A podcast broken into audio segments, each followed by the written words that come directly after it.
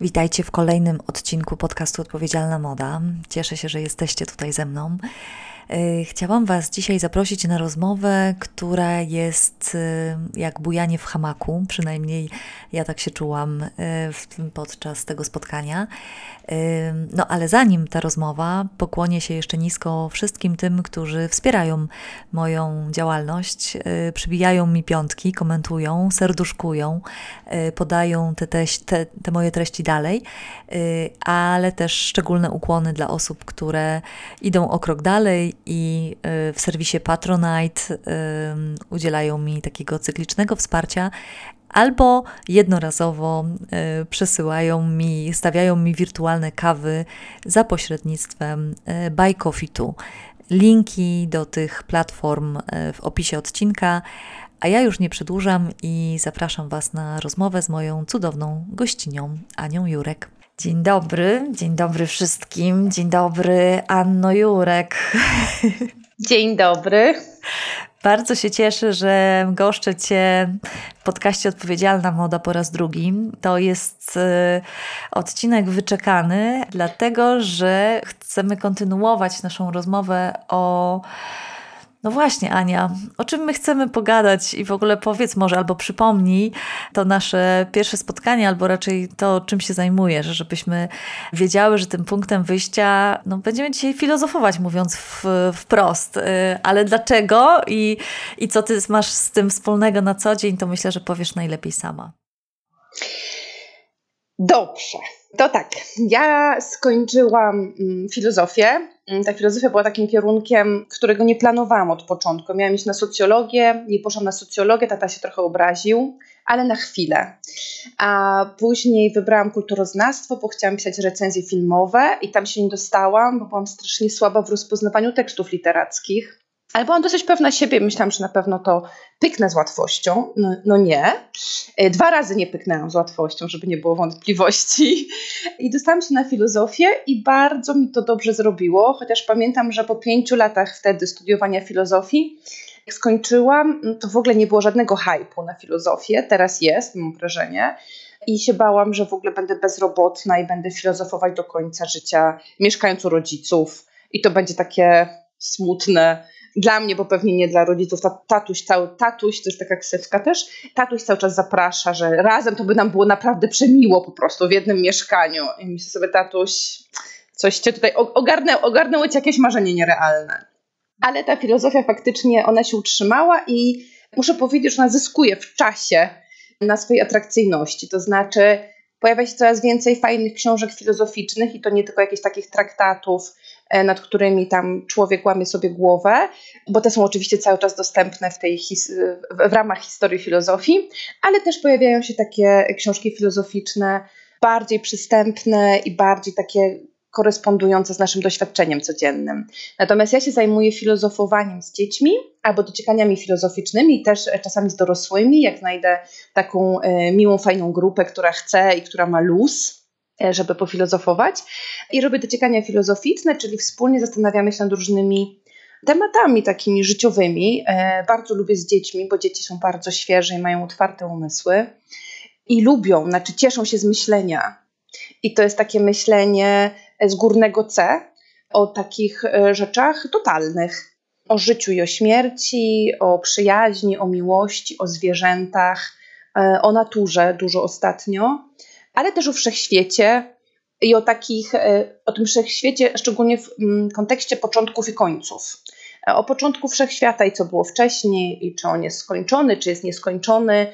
I to są takie e, duże tematy, które rozbudzają wyobraźnię, i te wydawałoby się młode, małe umysły, w sensie właściwie młode umysły w małych ciałkach, one tam wyskakują na te orbity kosmiczne i mają wszystkie te same intuicje, które mieli filozofowie i filozofki w historii filozofii.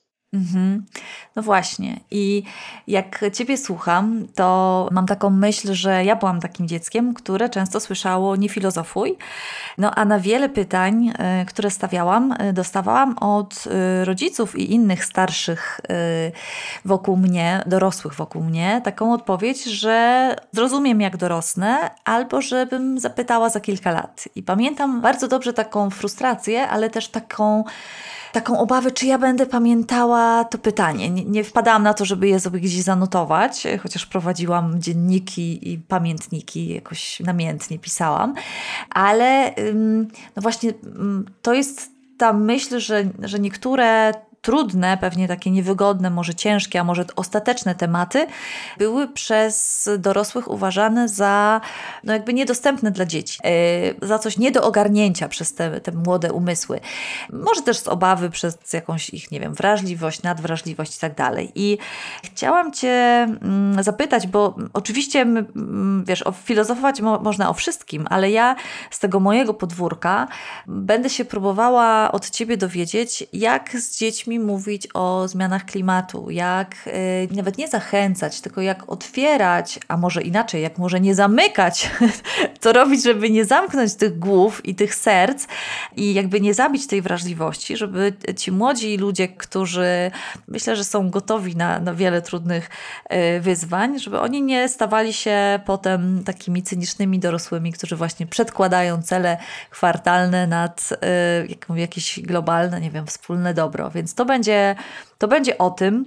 No i pierwsze pytanie, więc właśnie, co się zmieniło, że rodzice dzisiaj albo nauczyciele zapraszają do filozofowania dzieci? Czy dostrzeżono e, w tym jakąś, wiesz, wartość? Czy w tym świecie kapitalistycznym filozofowanie jest w ogóle, nie wiem, użyteczne, pragmatyczne, bo my lubimy rzeczy praktyczne przecież? E, mogę powiedzieć za tych rodziców, którzy zapisywali dzieci do mnie na zajęcia i mam taką szkołę w Łodzi, w której no nie wiem, 3-4 lata prowadziłam pod rząd dwie te same grupy i nie pod rząd równolegle.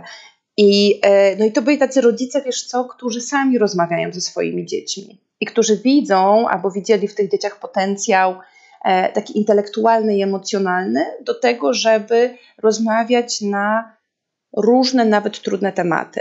I tak jak ty mówiłaś, że ci dorośli ci, jakby ty starałaś się zapamiętać to pytanie, które dla ciebie było ważne i dostawałaś tą informację zwrotną, że może kiedy się, e, kiedy dorośniesz, to się dowiesz, to ja jestem przeciwniczką tego, tego stanowiska. Oczywiście wtedy, kiedy ja mam luz w rozmawianiu z dziećmi na różne tematy i lubię i się bardzo dużo od nich uczę i później nawet czasami na jakichś imprezach, spotkaniach opowiadam te anegdoty, a słuchajcie, co powiedział Staś Zając a tam Iza powiedziała to i to, a Ala to miała takie i takie, y, taką refleksję. Więc to też myślę, że on, to jest zaskakujące, to też dziwi dorosłych, którzy nie mają może takiego kontaktu z dziećmi albo nie rozmawiają z nimi na te tematy. I myślę, że przede wszystkim obawa i lęk jest po stronie dorosłych, jeśli chodzi o trudne tematy, nie po stronie dzieci. Bo przecież jak jesteś jeszcze bardzo młoda, to wszystko się wydaje możliwe. To znaczy, dla trzylatka lewitująca matka nad E, stołem śniadaniowym jest pewnie z tego samego poziomu co samolot startujący z pasa startowego. Więc jeszcze du dużo jest nowych rzeczy i one wszystkie są zaskakujące i dziwne, więc fajnie by było o nie zapytać i mieć luz, że ja mogę zapytać i jest jakiś dorosły, nawet to może być nastolatek, mój brat, kuzyn, kuzynka, którzy będą chcieli ze mną o tym e, porozmawiać i poprzyglądać się temu. I w ogóle to filozofowanie wzięło się ze zdziwienia, i z takiego zdziwienia naturą, światem, później sobą. Bo przecież pierwsi filozofowie to byli ci filozofowie od przyrody i oni tam łamali sobie głowę, a w ogóle też oni byli fajni, bo oni, o nich się myślało w takim kategorii, że oni są, wiesz, filozofowie, badacze przyrody, ale też mędrcy, tacy ludzie, którzy też doradzają na przykład ludziom i politykom, ale też na przykład świetnie sobie radzą e, z językiem, to znaczy umieją się wysłowić, umieją, e, umieją tak sformułować myśl, najpierw ją tam przemyśleć, a później ją w języku sformułować, że ona jest zrozumiała, że ona jest ciekawa, że ona wciąga kogoś do, e, do też takiego, do jakiejś refleksji. I oni pierwsi właśnie, oni jakby zaczynali też, jak filozofię się omawia, no to zaczyna się od filozofii przyrody, przynajmniej tą zachodnią, a zachodnią znaczy też właśnie grecką, i właściwie trzy fundamentalne pytania, wiesz, filozofii i odpowiedzi to jest, czym jest przyroda i co możemy o niej wiedzieć. E, ale też jak powinniśmy żyć jako poszczególne osoby i społeczeństwo i czego nam się wolno spodziewać po dobrym życiu.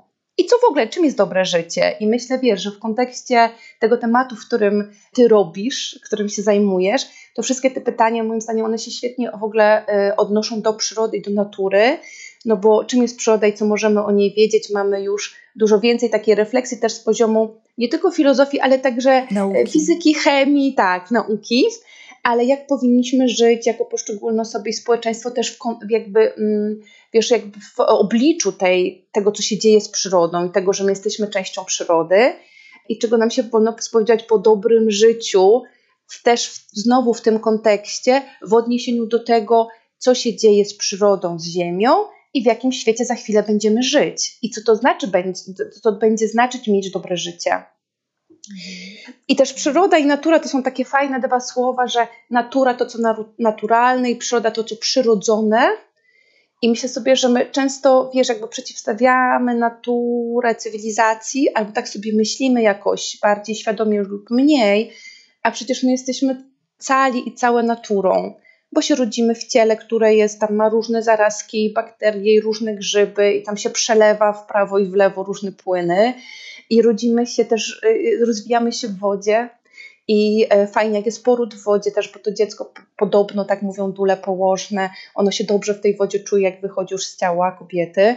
I później jako dzieci, myślę też jako 3-4 latki, kiedy zaczynamy ogarniać, że jesteśmy my i świat, no bo do tej pory to myśmy byli trochę taką, czy byliśmy oczywiście takim oddzielnym elementem rzeczywistości, ale myślę, że w naszym umyśle to wszystko było trochę magmą jednym. I jak moja e, przyjaciółka z Krakowa, Zosia, właśnie mówi, że chyba mój syn, który miał wtedy rok, on chyba ogarnia, że jego ręce i nogi należą do jego ciała. On chyba tak widzę po nim trochę, że on już, to nie są jakieś byty, które przychodzą z zewnątrz, tylko one już są jakoś do tego ciałka przymocowane, przytłoczone i on jest taką krewetką, która chyba za, zaczyna ogarniać, że jest krewetką jako całością. No i kiedy my, się sobie, my sobie uświadamiamy, że jesteśmy my i świat, no to mi się w ogóle, że wiesz, ta przyroda i natura, ona jest wspaniała dla dziecka. I ona jest dużo ciekawsza niż, nie wiem, niż telefon, niż komputer. Oczywiście, jeśli ma się taką możliwość eksplorowania tego obszaru. I moja przyjaciółka Emilia e, z Fundacji Dmuchawic, która prowadzi przedszkole leśne, tutaj niedaleko Łodzi, ona właśnie mówi, że żeby mogę docenić przyrodę, naturę, no to nie wystarczy o niej czytać książek, oglądać bajek, to wszystko może być wspierające, ale trzeba w tą naturę iść. I trzeba dotykać kory, i chodzić boso po trawie, i właśnie dotykać też takich różnych faktur, i mechu, mchu, mchu, i kory, i listków, i, i stopami dotykać, i łokciem dotknąć, tam nosem pomiziać jakiś listek. I, wtedy ten układ nasz taki nerwowy też on się uczy i w ogóle te nasze zmysły, one się wyostrzają. E, no i możemy mieć tą serię właśnie zdziwień, zachwytów, e, zaskoczeń. No i to jest jakby dobry w ogóle punkt wyjścia do tego, żebyśmy my czuli, że ta natura i przyroda jest ważna. Mhm. Ładnie o tym mówisz, y, a mnie gdzieś y, z tyłu, mm, wiesz, zapala się taka taka lampka z tego obszaru nadziei w mroku, bo z jednej strony bardzo byśmy, myślę, chciały, żeby te, te dzieci chodziły w zielone, chodziły w wodę, brodziły po, po rzekach, a z drugiej strony mm, no, dojmująca jest taka myśl, że po całych dekadach, kiedy pokolenie rodziców miało nadzieję albo nawet pewność, że przyszłość ich dzieci, życie ich dzieci, przynajmniej teoretycznie, może być lepsze, może być bardziej dostatnie, może być bezpieczniejsze, tak? Bo rozwija się medycyna, bo są, nie wiem, nowe szczepionki, bo mamy, bo zarabiamy więcej, bo, mam, bo się daje tutaj duży cudzysłów, cywilizujemy, tak? Bo umawiamy się, że jednak, y, no nie wiem, przemoc, y, y, taka samowolka, Nie jest ok, że mamy jakieś sądy, jakieś prawa, wiem, mamy cele ONZ i tak dalej. No i nagle dzisiaj, dzisiejsi rodzice już wiedzą, że świat, w którym będą żyły ich dzieci, nie mówiąc już o wnukach, to nie będzie ten lepszy świat, że fajnie już było i że teraz są te nowe wyzwania, które możemy oczywiście ignorować, to znaczy możemy o tym nie myśleć, możemy o tym nie mówić, możemy wierzyć, że jakoś to będzie albo że będzie to później, ale myślę, że dzieci głupie nie są po prostu i dzieci słyszą i widzą. I chciałam Cię zapytać, co dzieci mówią dzisiaj o przyrodzie, o przyszłości, o sobie w naturze. To znaczy, na ile z Twojego punktu widzenia i takich właśnie takiego wolnego dostępu do tych ich otwartych głów i serc, e, na ile one czują te wyzwania, o których prują się dorośli. No bo wiesz, strajk klimatyczny Grety Thunberg pokazuje, że młoda dziewczyna była zdruzgotana tym, co, co słyszała. Nikt, wiesz, nie wziął jej za rękę i jednym, w jedno popołudnie nie objaśnił świata, ale po prostu te informacje są. I, e, no i chciałam Cię zapytać, jak to, jak, jak to słyszysz, jak to widzisz w tych rozmowach, jak to wybrzmiewa, czy wybrzmiewa? Mhm. A wiesz co, tak myślę sobie w ogóle o maluchach, takich 1-3, nawet 4-6, to znaczy takich mm, maluchach w tym sensie, że oni jeszcze są mocno zależni od decyzyjności, od różnych działań dorosłych. Nie? Bo już nastolatkowie mniej, no to oni jakby o tym wszystkim, jak myślę, że słyszą i jakby czują się zagubieni. Natomiast myślę, że jeszcze maluchem nie mają tak do końca, że on jakby widzą skalę tego zjawiska. No chyba, że dużo rodzice rozmawiają o tym. No ale to jasne jest wtedy, że oni przyjmują jednak narrację rodziców myślę, że nawet nastolatkowie przejmują narrację rodziców, chociaż bardzo chcieliby myśleć o sobie, że są super niezależni e, w swoim myśleniu, a później i tacy są oryginalni, a później chodzą wszyscy w tych samych butach.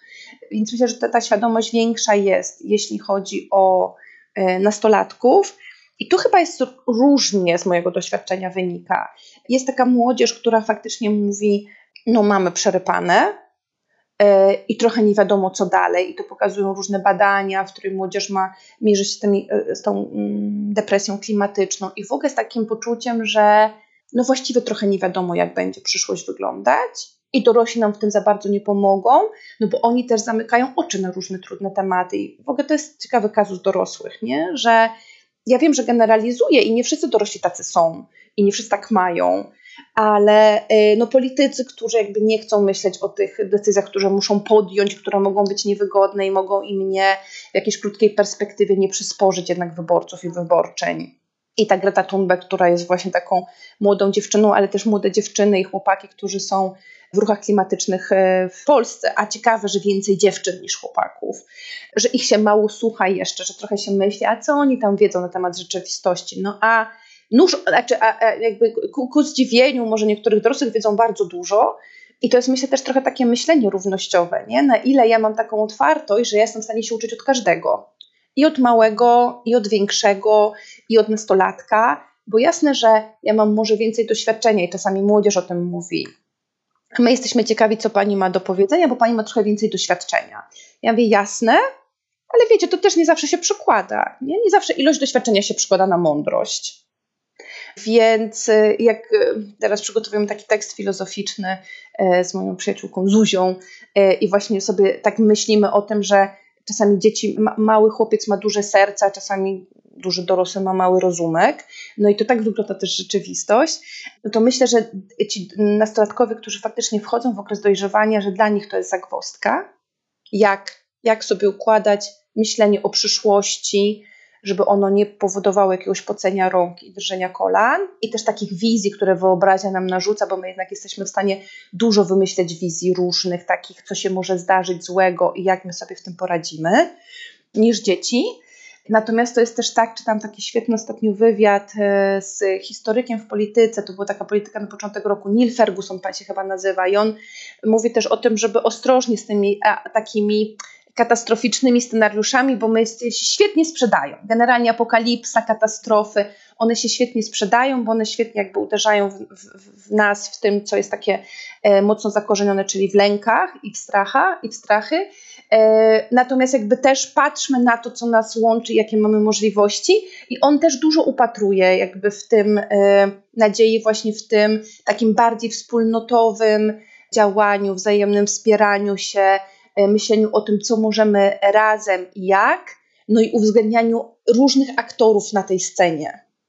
I nawet jak właśnie Jacek Żakowski, który robi ten wywiad, mówi, no tak, ale ci konserwatywni, to im będzie trudno przyjąć, że może te fale migracji będą szły. On mówi, no generalnie ludziom jest trudno przyjąć różne rzeczy. Ale historia pokazuje, że musimy sobie z tym poradzić i że no, będziemy się z tym mierzyć. I on mówi, no tak, ale dużo ludzi zginie. On mówi, Tak, w historii świata dużo ludzi już zginęło i dużo jeszcze zginie. No i to jest takie, to nie jest cyniczne, to jest podejście historyka. Ja bym w tym upatrywała, to znaczy jakiejś takiej nadziei w mroku, to znaczy nad, w pracowaniu nad kompetencjami miękkimi, e, czyli w pokazywaniu w edukacji formalnej i nieformalnej, i w domu, i, i nie w domu, w jakichś działaniach takich społecznych, nawet, e, nawet na mniejszą skalę, że fajnie jest działać razem, bo mamy razem różne umiejętności, różną wiedzę, którą my możemy się e, podzielić i że razem jest też fajnie działać i jakby iść w tą stronę.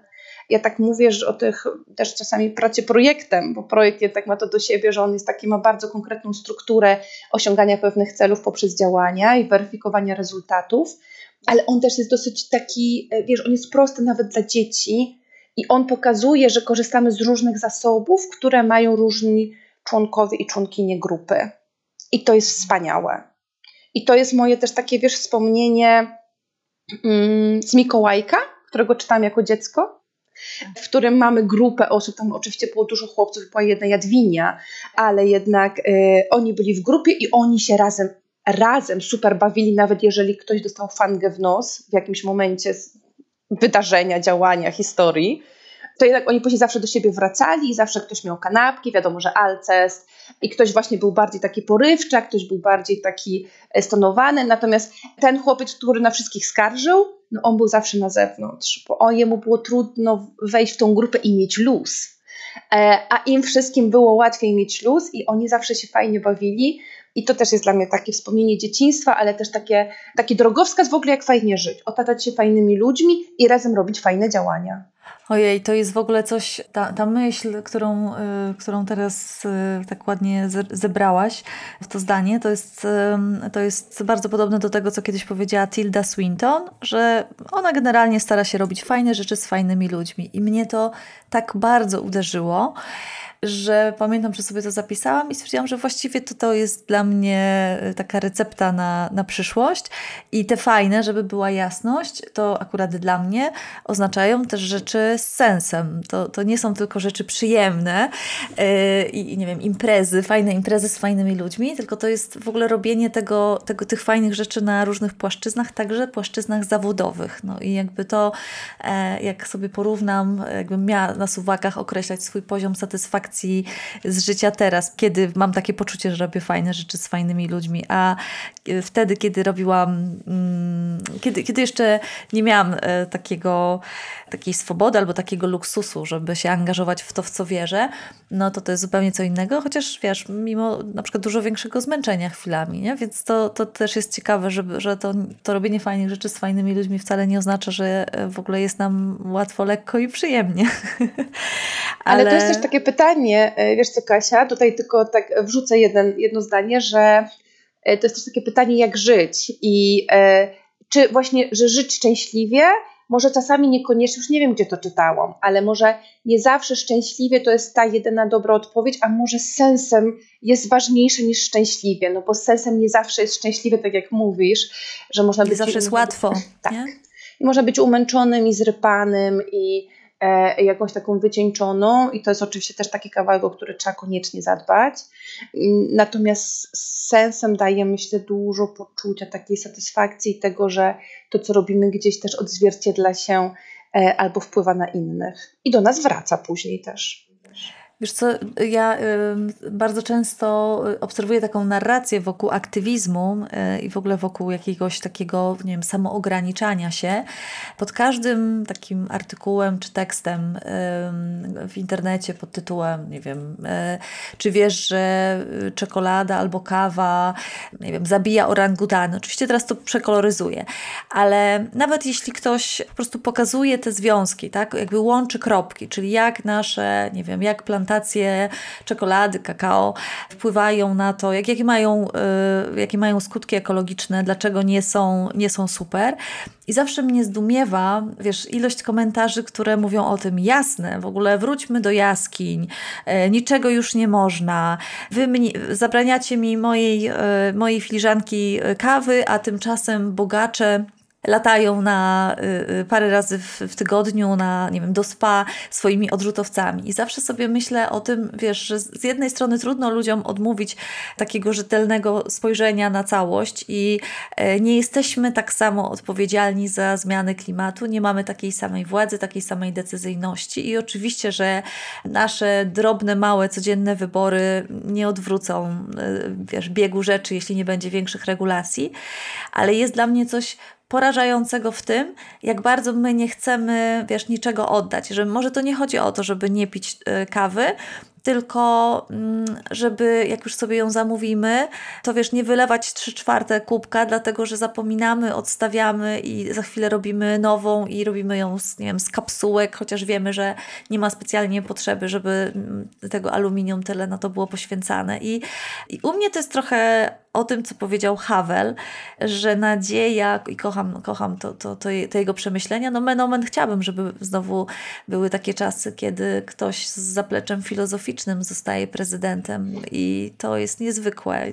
Za chwilę możemy do tego wrócić, ale, ale on powiedział coś takiego, że nadzieja nie oznacza, że robimy tylko to, co do czego mamy pewność, że się uda, tak? Y, że, I że samo angażowanie się w rzeczy, które uważamy za wartościowe, za ważne, daje nam jakieś poczucie, że stoimy po jasnej stronie mocy. Więc jak na pytania, wiesz, czy, czy, czy, czy ja wierzę, że nie wiem, moim gadaniem, podcastem, książką ja zatrzymam fast fashion, odpowiadam, no nie, ale jak dostaję wiadomość na Instagramie, że ktoś e, z takiego super zakupu holistycznego, e, wiesz, hypu albo po prostu trybu życia nagle wyhamował i jeszcze czuje się z tym lepiej, to nie jest nic z kategorii udręczania, no to myślę sobie, kurde, jest, jakby ma to sens, nie? Nawet jeśli to jest jakaś, jakaś mała, e, mała zupełnie kropla drążąca skałę, więc yy, chciałam Cię zapytać o to angażowanie się w rzeczy, które które łatwo uznać za mało istotne. Jakby wiesz, y, czy tutaj jest coś, co możemy, jakby czego nas filozofia uczy o takim, o, o nadziei, o, może tak. Mhm. E, no wiesz co, jestem ostatnio też wróciłam do Nadziei w mroku Rebeki Solnit i właściwie tak e, zaznaczam sobie te fragmenty, które są ważne i się zreflektowałam, że wszystko zaznaczam właściwie. To jest jakieś takie przy, przy, przyjemnie otwierające, ale ta książka też daje mi dużą ulgę i tutaj tutaj właśnie w, mam taki, taki cytat, który też e, będę publikować, właśnie z, z Solnit. Radość nie jest zdradą aktywizmu, ale go wspiera. A w zmaganiach z polityką, która dąży do tego, by wzbudzić w nas jak największy lęk, byśmy czuli się wyobcowani i samotni, radość jest doskonałym zaczątkiem powstania. I jak to przeczytałam, to pomyślałam sobie taką dużą, dużą ulgą, bo jednak w tym aktywizmie, do którego na chwilkę wrócę, jest dużo zapieprzu, jest dużo takiego samowyzysku, mam wrażenie też często, i takiego przeciągania liny, jeśli chodzi o swoje zdrowie, odporność fizyczną i psychiczną. I my często zapominamy o radości, ale też o radości z prostych rzeczy, do których często znakomity dostęp mają dzieci. I też myślę sobie, że to jest taki motyw z filozofowaniem i z dziećmi, jak się ma swoje dzieci, ale jak ma się czyjeś dzieci, że tak powiem, znaczy ma się do nich dostęp, bo się czasami przychodzi do ich rodziców i się zapyta właśnie co czytają teraz albo co ciekawego oglądają. Ja mam taką dziewczynkę Różę, która jest córką mojej przyjaciółki Weroniki i ja często pytam Różę jakby co ona teraz czyta, co ona mi może polecić albo co ciekawego ostatnio robiła. Może ja o tym zapomniałam, a fajnie jakby mi przypomniała. I ona ma oczywiście cały ten pakiet dobrych rozwiązań na życie i tego, jak fajnie spędzić e, czas e, wolny. I myślę sobie, że wiesz, że to jest też o tym, że to pytanie, zadawanie pytań, ale w ogóle praca pytaniami w filozofowaniu, no to jest e, taka rzecz, która nam mm, powiększa świadomość też siebie, tego, kim jestem, kim jestem w świecie, kim jestem względem innych, kim są inni i w ogóle czym jest świat. I myślę sobie, że to się sprawdza, wiesz, że to, o czym trochę chwilkę rozmawiałyśmy chyba wcześniej, nie? czy filozofowanie jest w ogóle praktyczne i czy ono się jakoś przelicza na coś, czy to nie jest strata czasu. No więc moje dzieci, ja tak mówię moje dzieci, ale filozoficzne, e, uważają, że nie, że to jest absolutnie w ogóle wspaniały sposób spędzania czasu. I e, jak one wychodziły ze świetlicy, kiedy właśnie szliśmy na te zajęcia w szkole, to inne dzieci mówiły, gdzie wyjdziecie? One mówią, na filozofowanie. I on tak dumnie mówiły. One mówią, co to jest to filozofowanie? To jakaś głupia rzecz na pewno, jakieś coś o uczeniu się. A oni mówili, nieprawda, to jest o myśleniu, my tam myślimy o najważniejszych rzeczach. I to jest prawda, bo e, jedna rzecz, że to zaczyna się od myślenia, ale ono się przekłada na to, w jaki sposób o tym mówimy, o czym myślimy, czy potrafimy to tak adekwatnie do tego, jak o tym myślimy i też jak coś czujemy, powiedzieć innym, zakomunikować, czy my z nimi wejdziemy w dialog w, tej, w, jak, w jakiejś kwestii, o której rozmawiamy. I też to, co jest dla mnie super ważne, co z tego dialogu wynika dla mnie i na życie. No bo to myślenie, mówienie, bycie w dialogu, szukanie odpowiedzi na pytania, czasami szukanie rozwiązań, no to wszystko się bezpośrednio przekłada na jakość mojego życia. I profesor Pobojewska, u której ja się uczyłam do czekań filozoficznych, ona napisała książkę właśnie o edukacji do samodzielności i ona tam napisała, że, że nie życie, ale że ludzie będą się dzielić na tych, którzy rozumieją świat i go nie rozumieją. I to jest bardzo mocne, pamiętam jak sobie o tym pomyślałam, bo świat robi się coraz bardziej złożony, czasem skomplikowany, jest dużo tematów, dużo wątków, które się ze sobą y, zazębiają i wszystko jest ze sobą połączone, czy my to widzimy, czy nie. No i albo my będziemy rozumieć siebie w tym świecie, albo będziemy mieć poczucie tego, że jesteśmy my i jakiś świat, w którym my się nie odnajdujemy, czujemy samotni, zagubieni. I myślę, że to jest trochę kazus takich dorosłych, którzy mają poczucie, że szybko się świat zmienia, a kiedyś to było lepiej. Bo oni oczywiście mają prawo do swojego odczuwania, pamiętania rzeczywistości i w ogóle do komunikowania rzecz jasna tego, jak się czują dzisiaj, ale jakby troszeczkę uszczknęli z wiedzy swoich wnuków, dzieci w wieku takim małym, 1, 3, 4, 6, ale też później nastolatków, to mogłoby się okazać, że ten świat jest ciekawy, fascynujący, może być też dziwny, ale jakby nad tym się pojawia jakaś refleksja, to znaczy, że już w ogóle posiadanie refleksji powoduje, że się troszeczkę lepiej odnajduję w świecie, no bo to nie jest dla mnie jakaś, wiesz, nieprzystępna po prostu przestrzeń, w której jestem jak dziecko we mgle, tylko ja zadaję o nią pytania, dociekam, szukam odpowiedzi. I czasami są odpowiedzi, które znajdę, a czasami są takie, których nie znajdę e, w czasie życia, na przykład co po śmierci, czy dusza istnieje, no bo można wierzyć, ale czy ja to wiem, czy ja mogę to jakoś sprawdzić, czy ja mogę polizać tą duszę i sprawdzić, czy ona ma smak waniliowych lodów, czy może jednak truskawki. No to jest oczywiście taka rzecz, że tutaj możemy sobie e, dumać, kombinować i tym się bawić.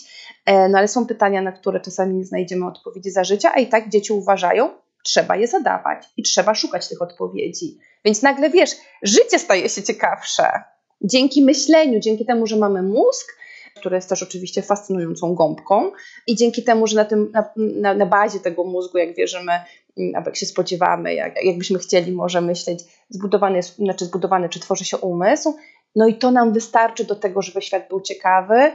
I w tych rozmowach o, o, o, świecie, o umyśle, o duszy, o ciele, o przyszłości, o przeszłości, o tym, czy czas istnieje e, i jak on istnieje, no nagle się, jeżeli jest taka możliwość, wytwarza się ta wspólnota dociekająca tych dzieci, dla których nagle w ogóle życie zaczyna być fascynujące i nie potrzeba do tego telefonów, e, wiesz, kin, jakichś wypasionych wakacji, chociaż na tych wypasionych wakacjach oczywiście jak się zobaczy meduzę, no to myślę, że to może być duże olśnienie.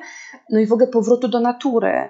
I jak jest ten serial teraz Biały Lotos, to tam jest, są różni bohaterowie i bohaterki, ale w pierwszym sezonie jest chłopak, Queen, który przyjeżdża ze swoimi bogatymi rodzicami i on jest cały czas w telefonie, w grach. No jakby też może nie będę zdradzać, co tam się dzieje z tą postacią. To jest moja ulubiona postać z tego pierwszego sezonu. Moja sezonu. też. I on przez te swoje, tą swoją wredną siostrę i koleżanką, przez ich wredne zachowanie może, no po prostu idzie spać na plażę. I to zmienia chyba wszystko. I myślę sobie, że to jest cały czas, wiesz, to jest cały czas dostępne, nie? Bo cały czas mamy dostępne parki, lasy, jeziora, i to, że się kąpiemy nawet wieczorem, że właśnie mamy takie poczucie, że zmywamy z siebie jakiś trud dnia i mamy ten kontakt z wodą i ona nas obmywa, no to jest wszystko bardzo pierwotne. Tylko tam no, trzeba się zatrzymać i to docenić, się temu przyjrzeć. I to nas bardzo wycisza, jak pokazują badania dotyczące w ogóle tych terapii leśnych, nie? że już 20 minut tygodniowo w lesie robi nam różnicę na życie. Tak. Wiesz co, słucham Cię, znowu mi się odpalają jakieś e, bardzo różne wątki. Myślę sobie, że kolejny raz e, jest jakiś wspólny mianownik, e, który się nazywa, wiesz, uważność i, i znowu jest jakimś tropem, czy, czy jakąś ścieżką do, do powrotu na te tory i szukania mm, no gdzieś, nie wiem, przyglądania się sobie w świecie albo, albo odpowiedzią na to, co nas zalewa, ale mam też, wiesz, taką y, myśl a propos tej złożoności świata, y, z którą się ostatnio podzieliłam ze, z moimi studentami, że Kiedyś prowadzenie zajęć z nimi, e, bo jestem już na uczelni od lat 14, kiedyś było prostsze, bo ja przychodziłam i opowiadałam im o systemie produkcji, uczyłam ich różnych narzędzi, e, które im pozwalały potem się odnaleźć jako projektanci i projektantki po prostu w branży mody ale ja ich też uczyłam o tym linearnym systemie, tylko taki znałam, więc uczyłam ich o różnych etapach projektowania i tworzenia kolekcji. I to było tak proste. Weźmy jakieś zasoby, wymyślmy coś, zbadajmy konkurencję, zbadajmy, zbadajmy rynek, zbadajmy trendy, wyprodukujmy coś najładniej i najlepiej i najtaniej, żeby ta proporcja była najlepsza. Potem sprzedajmy i właściwie przeanalizujmy wyniki, kropka. Tam były oczywiście jeszcze różne niuanse, ale to była linia. Tak jak linearna była i dalej w większości jest gospodarka. I gdy weszłam do, w, te, w ten obszar odpowiedzialnej mody, nagle okazało się, że naprawdę wszystko jest ze wszystkim związane. Że ja mówię, ja już nie mówię o bawełnie, znaczy jak już mówię o, o, o bawełnie, to nagle pojawiają się kwestie, nie wiem, pracy dzieci, pojawiają się obozy pracy Ujgurów, pojawia się kwestia tego, że naturalne nie zawsze znaczy lepsze, bo w tym wypadku, nie wiem, bawełna tak zwana standardowa jest bawełną nieekologiczną. I nagle sam materiał, wybór materiału przez projektanta czy projektantkę wpływa na, nie wiem, na całe ekosystemy. I wiesz, i mówiłam im, że teraz tak trudno jest mi uciekać od dygresji, bo mam takie poczucie, że cały czas właśnie też się poruszam w tym moim edukowaniu po jakiejś, no właśnie spirali, tak? Albo po jakimś że, że, to już, że to już nawet dosłownie, nawet w edukacji nie da się przeprowadzić ich od punktu A do punktu B bez tych ciągłych, mówiąc brzydko, zboczeń, tak? Albo tych odpałów, tych takich manowców, które gdzieś są wszędzie, tak? Bo jak mówimy o, o trendach, no to nagle mówimy o trendach na ludzkie ciało, o kanonach piękna. Jak mówimy o kanonach piękna, to nagle mówię, nie wiem, o e, zaburzeniach odżywiania i o tym, jaki to ma wpływ na postrzeganie świata, e, znaczy ciała, o dysmorfii i wiesz, po prostu czasem mam wrażenie, że tego jest tak dużo, że turbo trudno jest wierzyć, że, że człowiek ma jeszcze jakieś mm, widzenie, nie wiem, branży, czy sektora, czy, czy, czy, nawet świata z lotu ptaka. I, I wtedy, jak już tak czuję, że po prostu, wiesz, głowa mi wybucha, to lubię sobie wrócić do takiej mm, kartki, którą kiedyś dostałam od Marty Niedźwieckiej, która mówi o siedmiu eliksirach niezawodnie wzmacniających energię życiową. I tam jest czas skupienia, zdrowa myśluwa, oczywiście jest sen, jest y, taki moment zwolnienia, no, ruch fizyczny, zabawa i wyobraźnia i połączenie z czymś żywym. I, i tak e, słucham Ciebie, myślę o tym, jak, e, jak łatwo się teraz wystrzelić na jakąś taką orbitę, w której rzeczywiście czujemy, że, że tego wszystkiego jest tak dużo, że właściwie nie ma sensu skupianie się na czymkolwiek, bo i tak nie ogarniemy. No i e, jak ogarniać, Ania? Ja mi się wydaje, że po kawałku. E, po takim kawałku, który jest nam akurat teraz bliski. Ale też chyba, wiesz co, ja też, ja taka jest, nie, taka się tutaj mądruję, że uuu, tutaj tak filozofia milezyjska, a tutaj tam taki talec, Jan Aksymander od tam od tych pierwszych zasad i w ogóle, ale e, no wiesz, to jest też, e, to jest też dla mnie trudne ogarnianie, nie? I taka, taki wybór też, um, wybór różnych opcji, ale mnie się wydaje, że ja chyba zawsze trochę miałam taką smykałkę filozoficzną. Jak chodziłam na wagary, właśnie z Emilką w liceum, z tą Emilką, która prowadzi leśne przedszkole, to myśmy chodziły na wagary pod e, Akademię Sztuk Pięknych Strzemińskiego, która była niedaleko, e, bo tam jest bardzo ładny zielony teren i e, myśmy tam rozkminiały w ogóle jakieś takie właśnie egzystencjalne e, historie. To jest też takie typowe dla okresu dorastania, że ten dialog egzystencjalny, on wiesz, nie tyle, bo, bo z dziećmi jest tak w filozofii, że jak masz dzieciaki, to one bardziej taki mają dialog taki filozoficzny, intelektualny, czyli jak jest. Jak to jest, jak jest, jaka jest prawda. Młodzież ma dialog egzystencjalny, taki ja ci powiem, jaką ja mam prawdę o sobie, o rzeczywistości, a ty mi powiesz, jaką ty masz.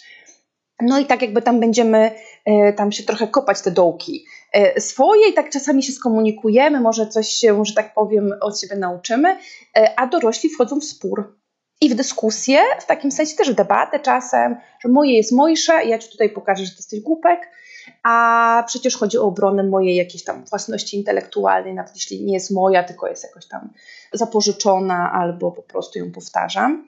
I e, myślę sobie o tym, że to wracanie do tego, jak jest, szukanie trochę takiej, ja bym tak, ja, ja chyba mam takie podejście, że ja tak trochę lawiruję pomiędzy tym, jak jest, bo mnie bardzo interesuje jakaś prawda o rzeczywistości, ale ona też wiem, że ona u mnie wynika z takiego chęci kontroli, a trochę z poczucia braku bezpieczeństwa, takiego takiego psychologicznego, ja bym powiedziała, z jakichś takich przyszłości, przeszłych historii, więc ja bym chciała znaleźć te wszystkie odpowiedzi na te pytania, żeby już wiedzieć, jak jest, żeby już nie czuć tej niepewności czasem odnośnie rzeczywistości, żeby, wiesz, żeby jak już mnie spotkają różne sytuacje, to ja już jestem zawsze przygotowana.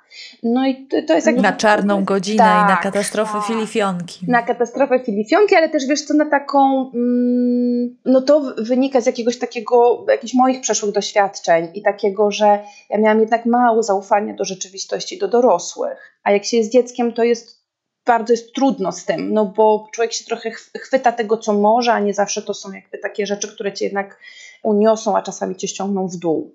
E, więc trochę między tym dialogiem, jak jest, ale właśnie raczej tak myślę sobie Ania, z ciekawością poznawczą, nie z chęcią kontroli rzeczywistości, żeby się poczuła bezpiecznie, co jest właściwie prawie zawsze złudne, tylko z ciekawością, z zaciekawieniem, z jakimś zachwytem, zdumieniem w takim kontekście, a ku temu egzystencjalnemu dialogowi, ja jakoś czuję, ja jakoś mam, chciałabym Ci o tym powiedzieć, bo Ci ufam i myślę sobie, że mnie poklepiesz po ramieniu albo mnie przytulisz, a Ty mi powiesz, jak Ty masz, ja też Cię przytulę i poklepię po ramieniu.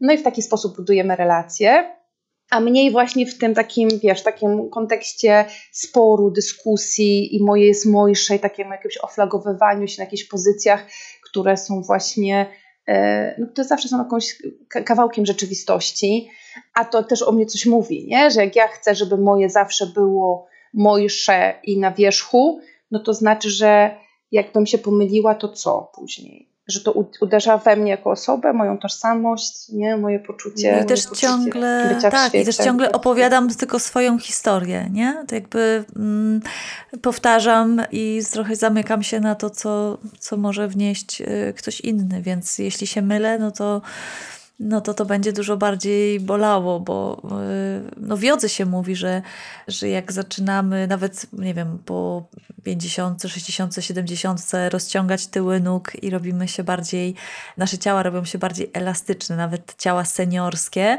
to nagle zwiększa się, wiesz, jakaś taka elastyczność poznawcza i naprawdę mnie to w ogóle zdumiewa, że my teraz zaczynamy wreszcie, że zdumiewa i też zachwyca, że zaczynamy widzieć, y, jak y, kondycja ciała nam się prze, przekłada na, wiesz, na dobrostan, tak zero-jedynkowo nawet. Zresztą o tym jest cały powrót do ciała i, i to, jak, y, jak, jak to się z, zmienia. No i myślę, że czym jesteśmy starsi, to tym bardziej tak trochę się okopujemy na tych swoich stanowiskach. O tym mówiłyśmy ostatnio przy pierwszym spotkaniu, o tym wychodzeniu z baniek, nie? że że te bańki no, czasem ciasne, e, trochę niewygodne, ale nasze, więc tam po prostu e, siedzimy i, i nie dajemy sobie tam powiedzieć, że, że może by tak trochę uchylić albo przewietrzyć, nie? Ja cię, ja cię Ania, chciałam zapytać. Ja bym tylko dodała, e, kochana, tak. E, bo ja taką, niestety mam taką, e, czasami wpadam w takie długie dygresje, ale później również łapię kon, kon, wiesz, początek tej dygresji, żeby do niej zawrócić na tym, na tym kole, ale tak myślałam sobie, nie, że jak mówisz właśnie, że za, jakby jak sobie radzić, jaki jest sposób na życie, to znaczy myślę sobie, że na pewno to też dzieci to mają, ale też rodzicom o tym mówię, rodzicom i dorosłym, żeby zadawać sobie te duże pytania, takie jak żyć, kim jestem, albo kim chcę być, jeżeli czuję, że mam jeszcze jakiś potencjał, jakieś obszary do rozwoju. No i właśnie to, to znaczy dobre życie. I serio mówię, ja wiem, że dorośli mają takie, no dzieci, co one tam wiedzą o życiu, ale one znają wszystkie te odpowiedzi. Po prostu słuchajmy dzieciaków, bo one o sens życia y, zapytane powiedzą, że sensem życia jest być w dobrych relacjach, być na dworze, czytać dobre książki, być dobrym dla siebie wzajemnie, chodzić na lody, jest, jak się nie ma jakichś, nie wiem, e, pokarmowych e, kłopotów i anomalii. I one o tym... Puszczać latawce. Puszczać latawce, tak. E, I nie fiksować się, jasne, że dorosły powie, no jasne, tu mam kredyt, a tu mam coś, a tu mam jeszcze tam, nie wiem, pracę, tabelki, deadline'y, no tylko to wszystko, wiesz, na koniec życia, no jak będziemy sobie umierać, to nie powiemy, no szkoda, że jeszcze jednej tabelki nie zrobiliśmy i że jeszcze jakiegoś deadline'u nie dotrzymaliśmy, bo raczej te wszystkie latawce, pływania, lody, bycie z innymi, no to jest coś, co buduje, mam wrażenie, takie nasze, e, w ogóle jakość naszego życia.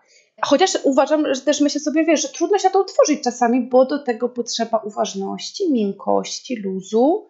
No a wiesz, to takie mówienie ci to zluzuj, to odpuść, no to może czasami w jakichś chwilach dużego stresu doprowadzić człowieka do fury i chcieć po prostu strzelić tą drugą osobę w ucho i niech się sama odpuści.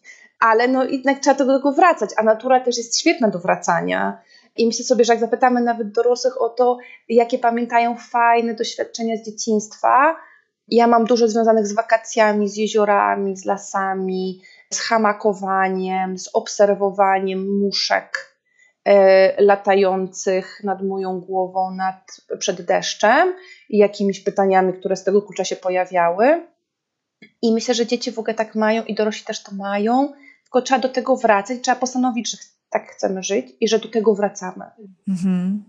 Tak, masz rację, że to pytanie, co pamiętamy z dzieciństwa, y, tak naj, mm, najmocniej, to jest jakiś trop. I teraz sobie pomyślałam, że faktycznie te moje najcudowniejsze wspomnienia, ono też. Y, to, to nie są wspomnienia spokoju, gdy się bawię, nie wiem, lalkami, tylko to, to są spotkania, to są. Yy, wiem, to jest jazda na worku w, w zimie, albo to jest gdzieś wpadanie na nartach pod jakąś choinę, albo zabawa na, na sianie.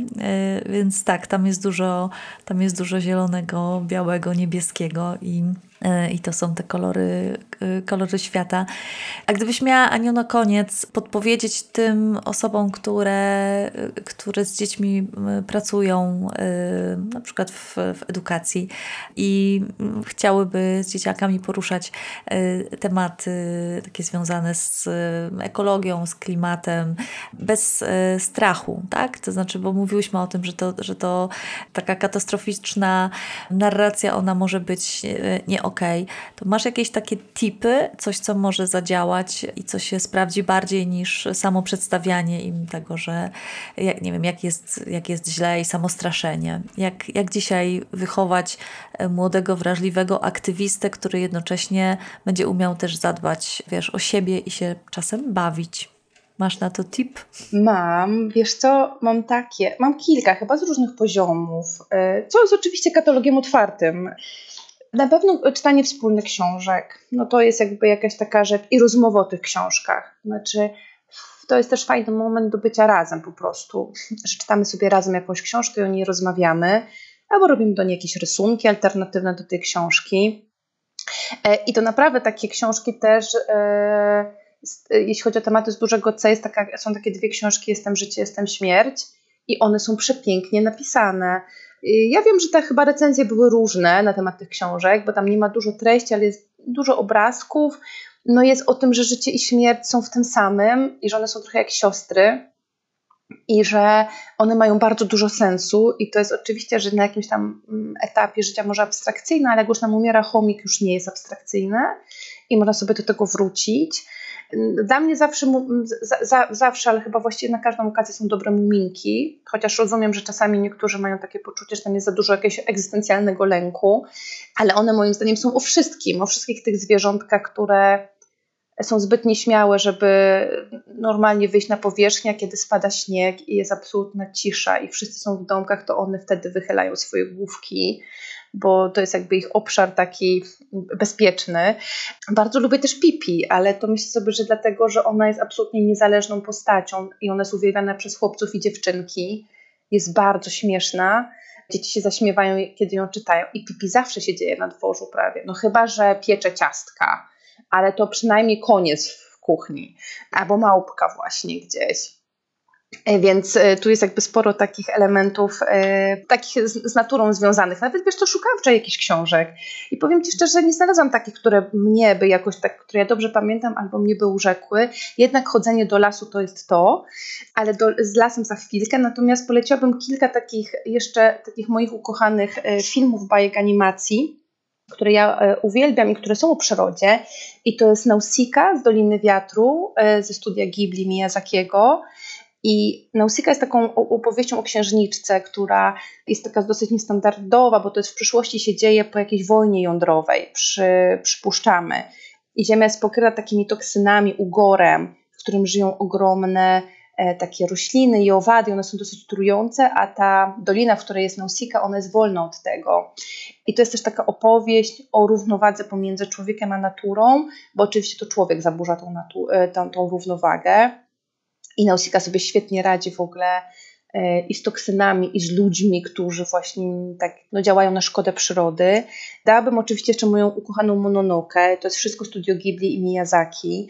To z kolei Mononoke się dzieje, wydaje się w jakiejś w takiej epoce pomiędzy XIV a XVI wiekiem w Japonii i w ogóle Mononoke to jest z mitologii japońskiej taka grupa stworzeń, duchów, e, jakichś takich bogiń, duchów mniejszych, większych, leśnych zazwyczaj. I to jest o konflikcie między strażnikami lasu, czyli duchami, bóstwami, zwierzętami, a ludźmi niszczącymi przyrodę na cele ekonomiczne. I to jest o wycince lasu. I ciekawe, że tam tą wycinką lasu zarządza pani Eboshi. I pani Eboshi jest taką postacią trochę taką femme fatale, wydaje się, ale ona też ma swoje motywacje. To jest bardzo ciekawe, jak my je poznajemy. No i jest San, która jest właśnie tą dziewczynką wychowaną przez wilki i ona jest bardzo po stronie właśnie tych, mm, tej, tej grupy leśnej, bym powiedziała. No i jest książę Ashitaka i to jest chłopiec, który został właśnie ugryziony przez takiego demona, demona bóstwo, który jest dzikiem, ale on został właśnie w, w, związku z tą zaburzoną równowagą pomiędzy człowiekiem a naturą ugryziony i on się wtedy przemienił w demona.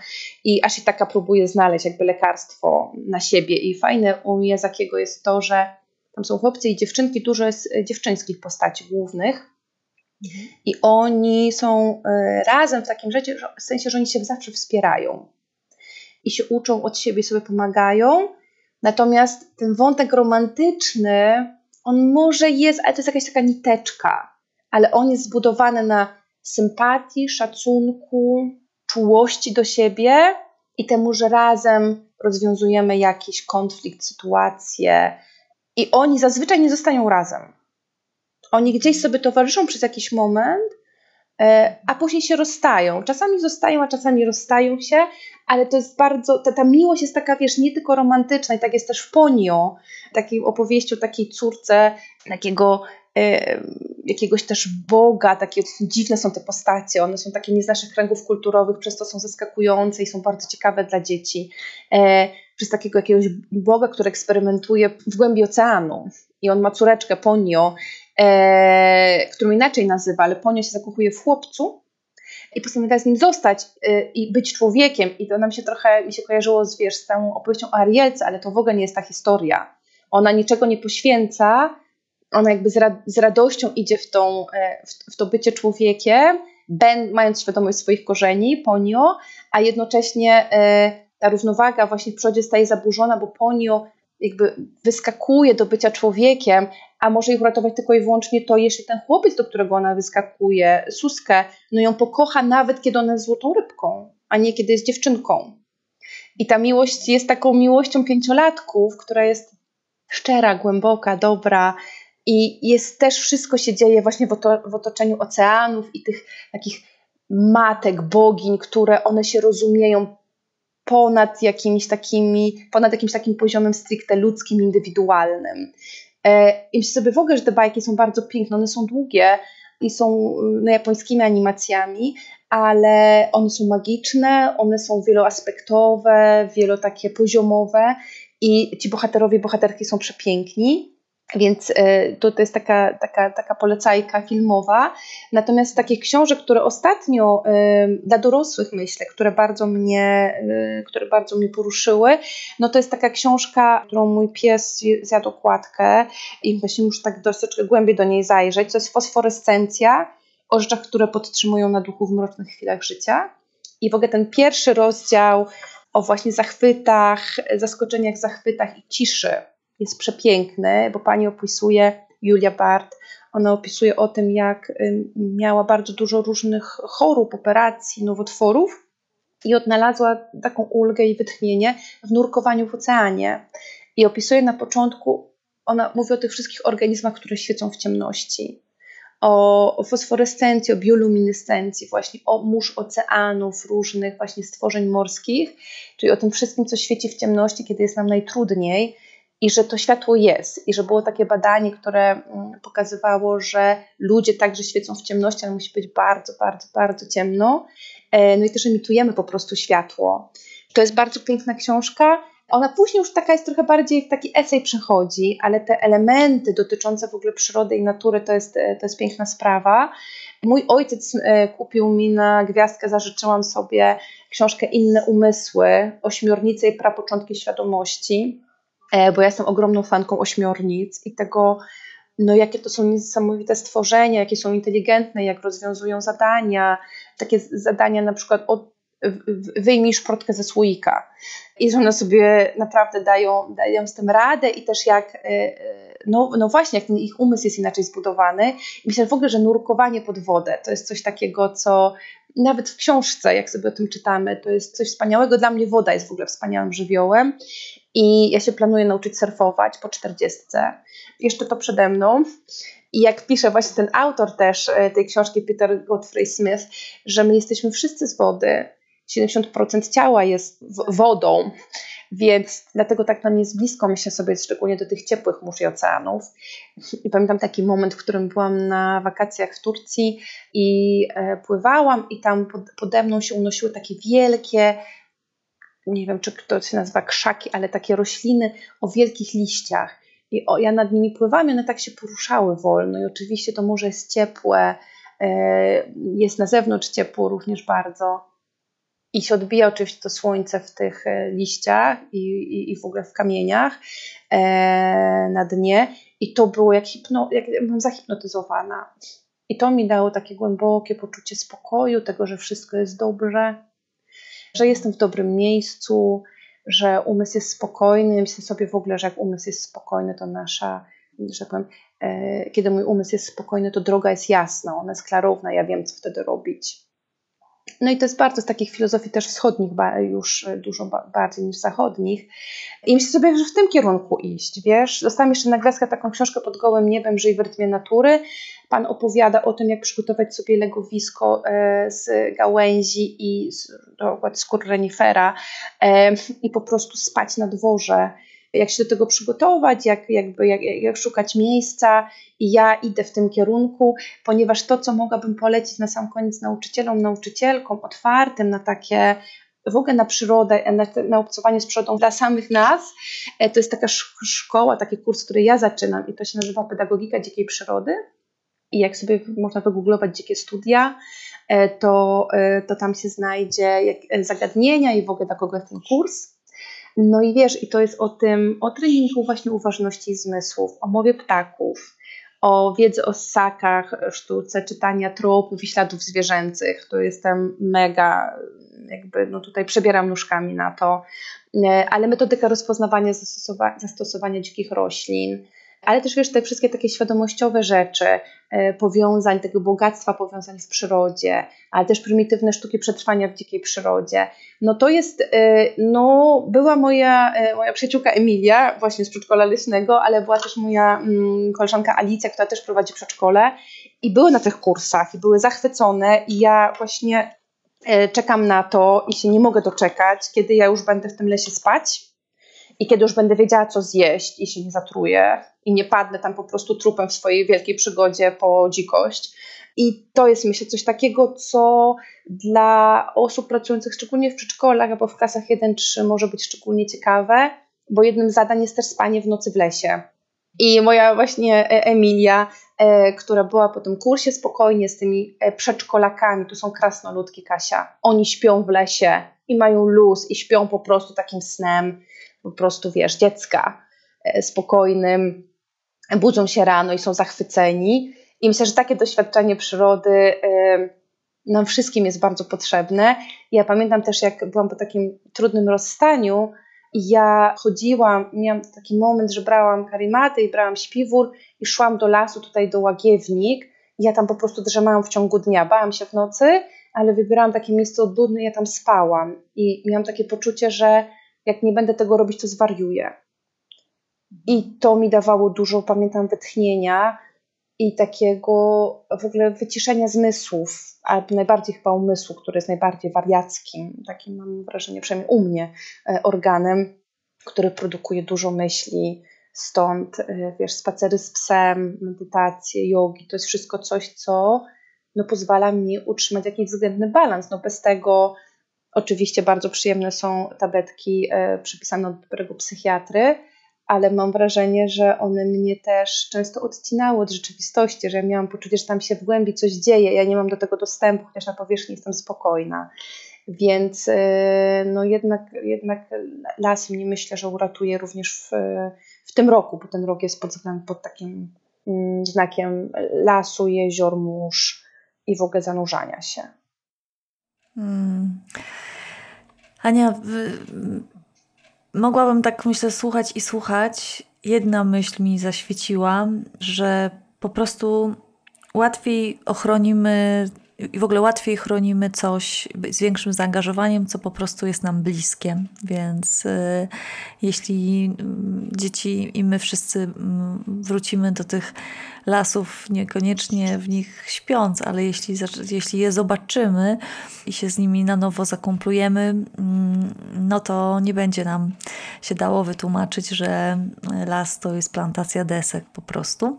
A z książek, y, o których mm, pięknie mówiłaś, to ja do tej puli mogłabym dorzucić takie dwie, które mnie bardzo wzruszyły i na których płakałam bardziej niż moja córka. Jedna to jest Śnieżna Siostra, a druga Strażniczka Słońca. Przepiękne książki tej samej autorki zresztą. I one też są. Śnieżna Siostra jest o, o stracie, o y, właściwie o. Dobra, nie będę zdradzać, bo zepsuję całą, całą zabawę i radość z odkrywania tego, o co tam chodzi, a, a druga jest y, właśnie o, tym, o tej zaburzonej równowadze, o, o świecie, w którym albo słońca nie ma, albo potem jest go za, za dużo i wszystko spala.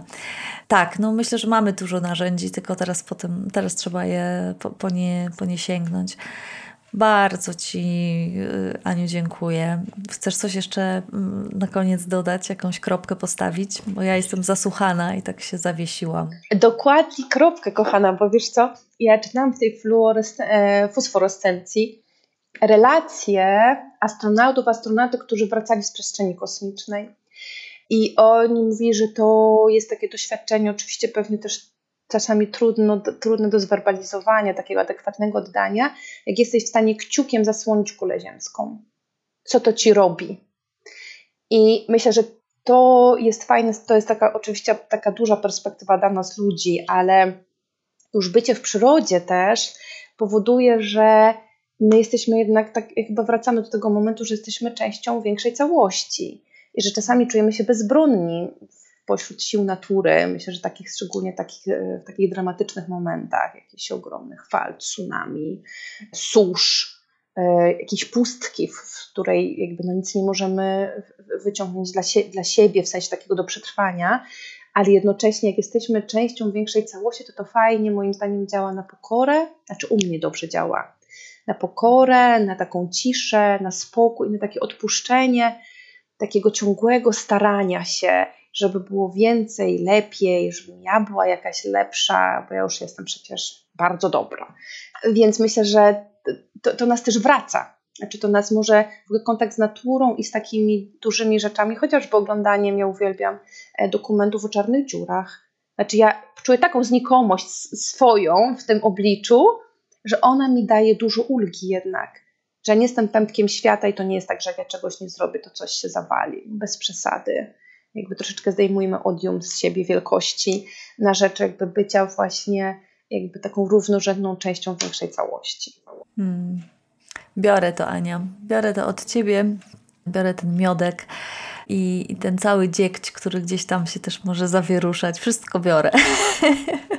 I bardzo, bardzo Ci dziękuję i mam nadzieję, że e, wszystkie nasze słuchaczki e, jakoś tak, nie wiem, poczuły więcej e, przestrzeni w klatce piersiowej. Mnie się jakoś zrobiło luźniej po tej naszej rozmowie, więc Ci bardzo za nią dziękuję. To była taka nasza malutka wspólnota dociekająca. Mhm.